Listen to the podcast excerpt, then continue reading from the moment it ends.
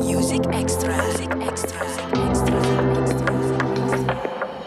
Music Extra.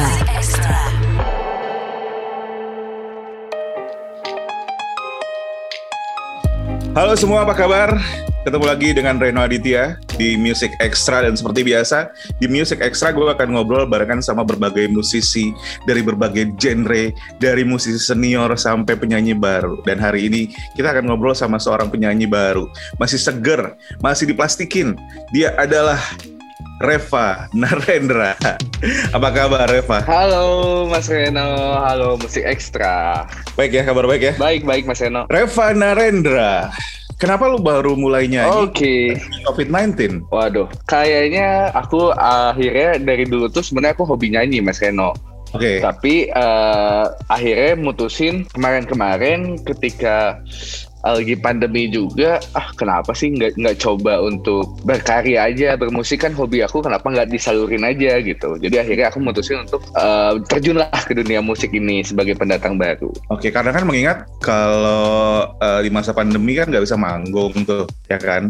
Mau promo pun bisa bilang agak susah, nggak sebebas ketika eh, normal gitu ya. Jadi ada yang bilang jadinya eh, memperkenalkan lagu kita ke, ke pecinta musik Indonesia itu akan jadi lebih penuh tantangan. Itu lo rasain nggak sih pada akhirnya, apalagi sebagai penyanyi baru nih? Eh iya sih itu itu pasti kerasa banget. Jadi akhirnya kan banyak interview radio juga lewat Zoom, lewat Instagram live. Hanya beberapa radio yang ya yang bisa menerima call offline. Kemarin aku nyempat ketiga radio di Jakarta itu juga udah bisa nerima offline. Tapi eh, sebenarnya tantangannya itu cuman karena eh, semuanya berjalan lancar, tapi karena nggak ada event offline kali ya. Jadi gimana cara aku menyalurkan kalau ini loh karya aku kepada masyarakat luas tuh tanpa adanya event offline aja sih itu mungkin tantangan yang berbeda antara pandemi dan waktu normal. Oke, tadi lo bilang kan lo udah lama nih nyanyi. Selama apa sih? Dari SD? Iya, Atau- aku tuh udah hobi nyanyi tuh. gitu ya? Waduh, tapi nggak nyempet sih jadi waktu dulu tuh eh, hobi-hobi doang dari SD kayak hobi SMP biasa SD tuh SMP biasa lah, zaman-zaman yang ngeband ngeband, SMA juga Oke. zaman-zaman yang ngeband ngeband. Tapi akhirnya ketika masuk kuliah akhirnya mutusin untuk ah dapat coba aja kita nggak seriusin berkarya secara solois gitu akhirnya gitu. Nah, tapi kan beda nih. Eh, pasti ketika ngeband sama jadi solois beda. Tapi sebenarnya sebenarnya musik lo sendiri itu yang seperti apa sih? Musik aku sendiri sebenarnya eh, aku referensinya. ref- Ketika ngeband mungkin eh, berbeda kan kita nggak pernah tahu. Tapi kan kalau sekarang pop ya, pop Indonesia gitu. Tapi sebenarnya Ya. musiknya seorang Reva itu seperti apa sih? Sebenarnya musik dari seorang Reva itu uh, aku tuh suka banget sama lagu-lagu pop Indonesia mau dari zaman dulu sampai zaman sekarang zamannya masih ST12 sampai Setia Band dari Ungu, Chris Pati semuanya aku nikmatin banget lagu-lagu pop Indonesia. Atau itu emang udah nyaman aja gitu di aku untuk dengerin lagu pop-pop Indonesia. Sampai akhirnya kenapa aku juga pengen nyanyiinnya lagu pop Indonesia gitu, Mas Reno. Alright. Tapi gini, ini ini terjadi sama eh, apa ya bahasanya ya? Profesi gue juga gitu ya. Jadi kan biasanya kalau penyiar radio, eh, MC atau penyanyi gitu, itu nggak boleh cacat vokal. Sementara lu kayaknya cacat vokal nih. R-nya kurang bulat gitu. Itu ngakalinya gimana ketika nyanyi? Karena kan kalau lagu Indonesia sebe- beda sama lagu Inggris nih. Kalau bahasa Inggris kan R-nya Ya. nggak bulat ya. Iya, eh, sebenarnya eh, aku pun eh, jadi maksudnya itu adalah mungkin eh, kekurangan dari seorang eh, Reva juga, tapi aku pengen jadiin itu sebagai ciri khas dari eh, lagu aku atau suara aku dari nyanyian aku. Jadi ketika orang mendengar itu, tapi semua eh, jadiin itu sebagai jadi ciri khas. Jadi sebenarnya ngakalinnya dengan kita tetap nyanyi dengan enjoy dengan enak aja sih sebenarnya. Jadi ngakalin nggak nggak ada ngakalin sebenarnya, lebih lebih ngebawa ngebawa itu menjadi ciri khas dari lagu aku dan suara aku aja sih. Iya sih sebenarnya malah jadi pembeda ya. Karena itu tadi sesuatu yang berbeda itu dia jadi unik dan jadi selling point. Selain lagu yang enak Yes. juga pastinya ya kan. nah terus gimana Sepakat, ceritanya sampai lo ketemu dengan eh, Charlie Setia Band sampai Oh, diproduserin buatin lagu gimana? Ceritanya itu nggak sengaja tuh mas. Jadi itu aku awalnya tuh lagi nge-record untuk mau merilis lagu aku sendiri. Lagu Oke. aku sendiri aku mau mau ngerilis juga, tapi ketika abis aku ngerilis dan abis recording eh di studio itu nggak sengaja Kang Cari lagi main ke studio itu beres aku recording.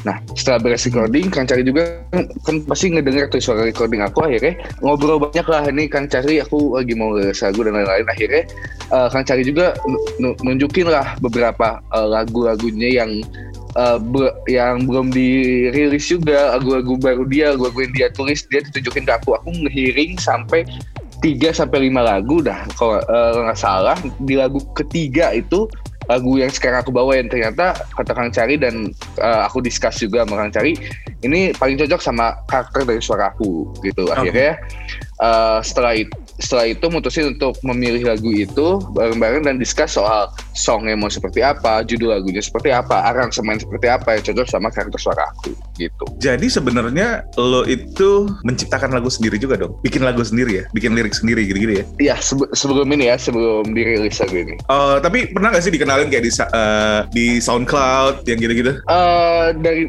dari dulu mungkin ya kayaknya belum punya keberanian untuk uh, ada ngapot-ngapot di SoundCloud.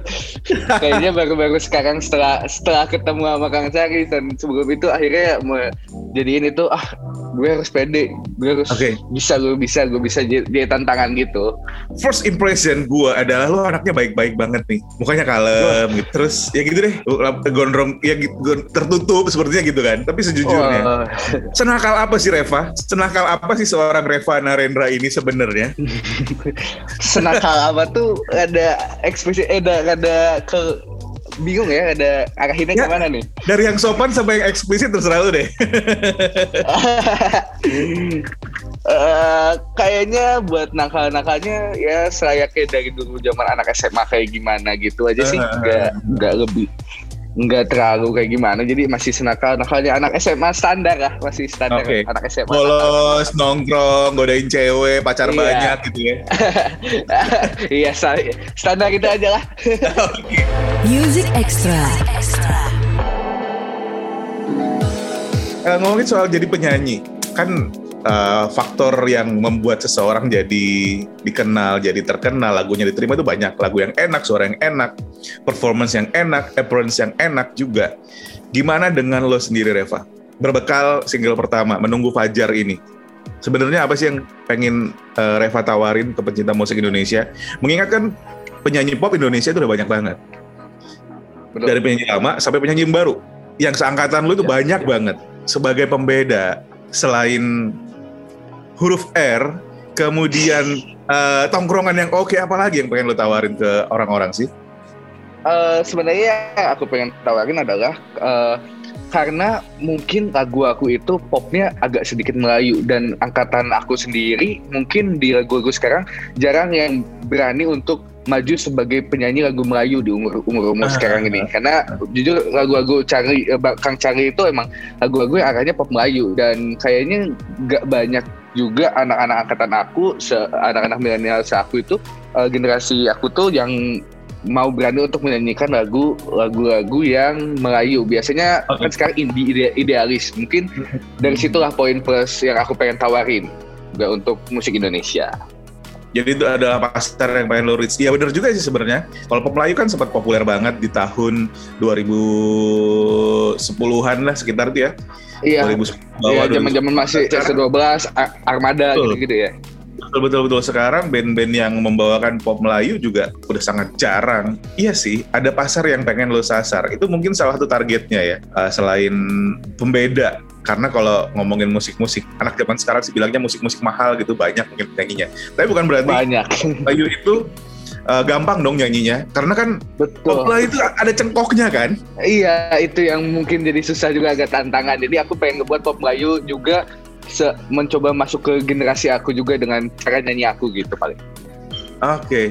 itu, itu pakai latihan lagi kan? Enggak, uh, kan karena gue yakin sebelumnya pasti lo nyanyinya nggak seperti di lagu Menunggu Fajar ini dong tapi sebenarnya karena aku dari dulu menikmati lagu-lagu pop seperti ini jadi uh, mungkin tingkat kesulitan untuk menyanyikan lagu ini ketika mendapatkan aku dapat lagunya dari Kang Cari itu uh, latihannya masih sama sama sama aja kayak waktu dulu. Karena aku juga sering nyanyi lagu Armada sering nyanyi lagu juga S12 jadi mungkin uh, emang udah udah di diri akunya dari dulu menikmatinya lagu seperti ini, Mas. Oke, okay, jadi emang nggak nggak ada kesulitan yang berarti lah ya. Dan kalau misalnya uh, lo pengen dengerin menunggu Fajar udah dirilis di berbagai digital music platform juga, seperti apa sih? Intinya sih ini lagu cinta, ya kan? Lagu cinta tentang orang yang nungguin balasan cintanya dari orang yang dia suka. Tipikal, standar, tapi itu terjadi sama semua orang. Lo pasti pernah ada di momen harus nunggu. Nah, buat lo sendiri, ketika lo nembak cewek gitu ya, berapa lama waktu yang biasanya lo kasih untuk dia, untuk mikir?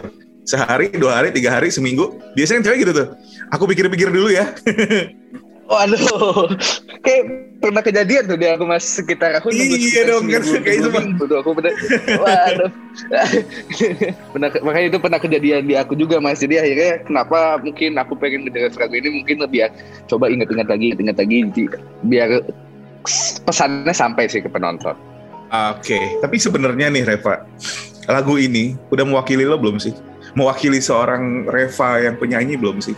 Atau masih karena ini lagu pertama jadi lu pengen explore dulu? Sebenarnya untuk lagu ini tuh sudah cukup mewakili untuk diri aku sendiri, tapi mungkin di lagu-lagu lainnya nanti insya Allah akan lebih mengeksplor lagi dan mengeluarkan siapa tuh Reva Nareda sebenarnya di lagu-lagu lain. Tapi ini juga cukup mewakili sih untuk diri aku sendiri. Uh, dan ngomongin soal lagu selanjutnya, apakah akan akan merilis lagu buatan lo sendiri atau mungkin masih kerja bareng sama Kang Charlie? Pasti punya rencana dong, gak mungkin uh, satu lagu selesai kan? uh, sampai sekarang kan uh, mungkin Reva juga masih fokus di promosi untuk lagu ini dulu ya, jadi uh, belum belum ada uh, plan selanjutnya tapi insya Allah sih uh, pengennya di akhir tahun ini udah ada sesuatu lagi yang baru dari karya dari Reva. Oke, amin, amin, amin, amin, amin, amin, amin, amin. amin. Pada akhirnya sebuah karya dirilis itu kan untuk dinikmatin sama pecinta musik, pendengar gitu kan. Secara umum, kayaknya gue belum nanya deh ini dari tadi. Sebenarnya ketika lo bermusik, apa sih yang pengen lo tawarin ke pecinta musik Indonesia? Musik yang seperti apa? Pesan yang seperti apa yang pengen lo sampein gitu? Image seperti apa yang pengen Reva tawarin ke pecinta musik Indonesia? Image sebagai musisi ya, spesialis pembawa lagu cinta spesialis ini atau apa gitu? Uh, yang aku pengen tawarin adalah aku kayaknya mungkin akan uh, aku akan menawarkan uh, spesialis lagu pop Melayu yang cinta ber, berbentuk cinta-cintaan atau mungkin karena cinta ini luas, aku akan membawanya ada mungkin cinta kepada teman, pacar, keluarga, sahabat, yang akan aku pengen membangun image seperti itu sih sebenarnya. Oke, okay. well, udah berapa lama uh, single ini rilis? Uh, rilisnya baru banget nih Mas Reno kan aku kemarin baru resmi rilis itu tanggal 29 Maret. 29? Ya ampun belum sebulan umurnya ya. Masih masih baru banget jadi iya, wajar. Masih baru banget. jadi wajar kalau misalnya lo belum tahu lagu ini, tapi karena udah pada dengerin obrolan gue barengan sama Reva, Menunggu Fajar ini udah dirilis di berbagai digital music platform ya. Ada video klipnya juga kan? Tuh, udah ada MV-nya juga di YouTube, Mas. Oke, okay. kalau misalnya biasanya kan orang-orang nanya gini nih, Reva, siapa sih penyanyi uh, yang pengen lo ajakin kolaborasi gitu-gitu? Pasti pernah dong dapat pertanyaan seperti itu? Sering bahkan kan? Pernah, pernah. Sering, sering.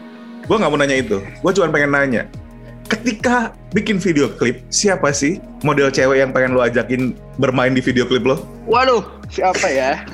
uh, hmm, aku tuh suka banget sama uh, siapa Chelsea Isan, Tasya Sapira atau Zara JKT48 mungkin. Oke, okay. oke okay, siapa tahu didengar kan atau didengar produser lo Amin. Akan sama mereka ya. Bang Reva, kita tunggu karya-karya lo yang lain menunggu Fajar tapi yang jelas dinikmatin dulu. Oke. Okay. Uh, sebagai apa ya warna yang berbeda dari musik-musik yang kita dengerin karena Indonesia itu gudangnya penyanyi-penyanyi bagus loh dan juga karya-karya bagus. Jadi sayang banget buat dilewatin. Sukses Reva, kita tunggu. Terima kasih banyak. Sama-sama. Juga, terima kasih juga banyak Mas Reno. Terima kasih banyak. Terima kasih Reva udah mampir ke Music Extra kali ini. Mudah-mudahan kita bisa ketemu lagi dan lo bisa dengerin Music Extra di podcastnya Delta FM, Bahana FM, dan juga Female Radio. Music Extra.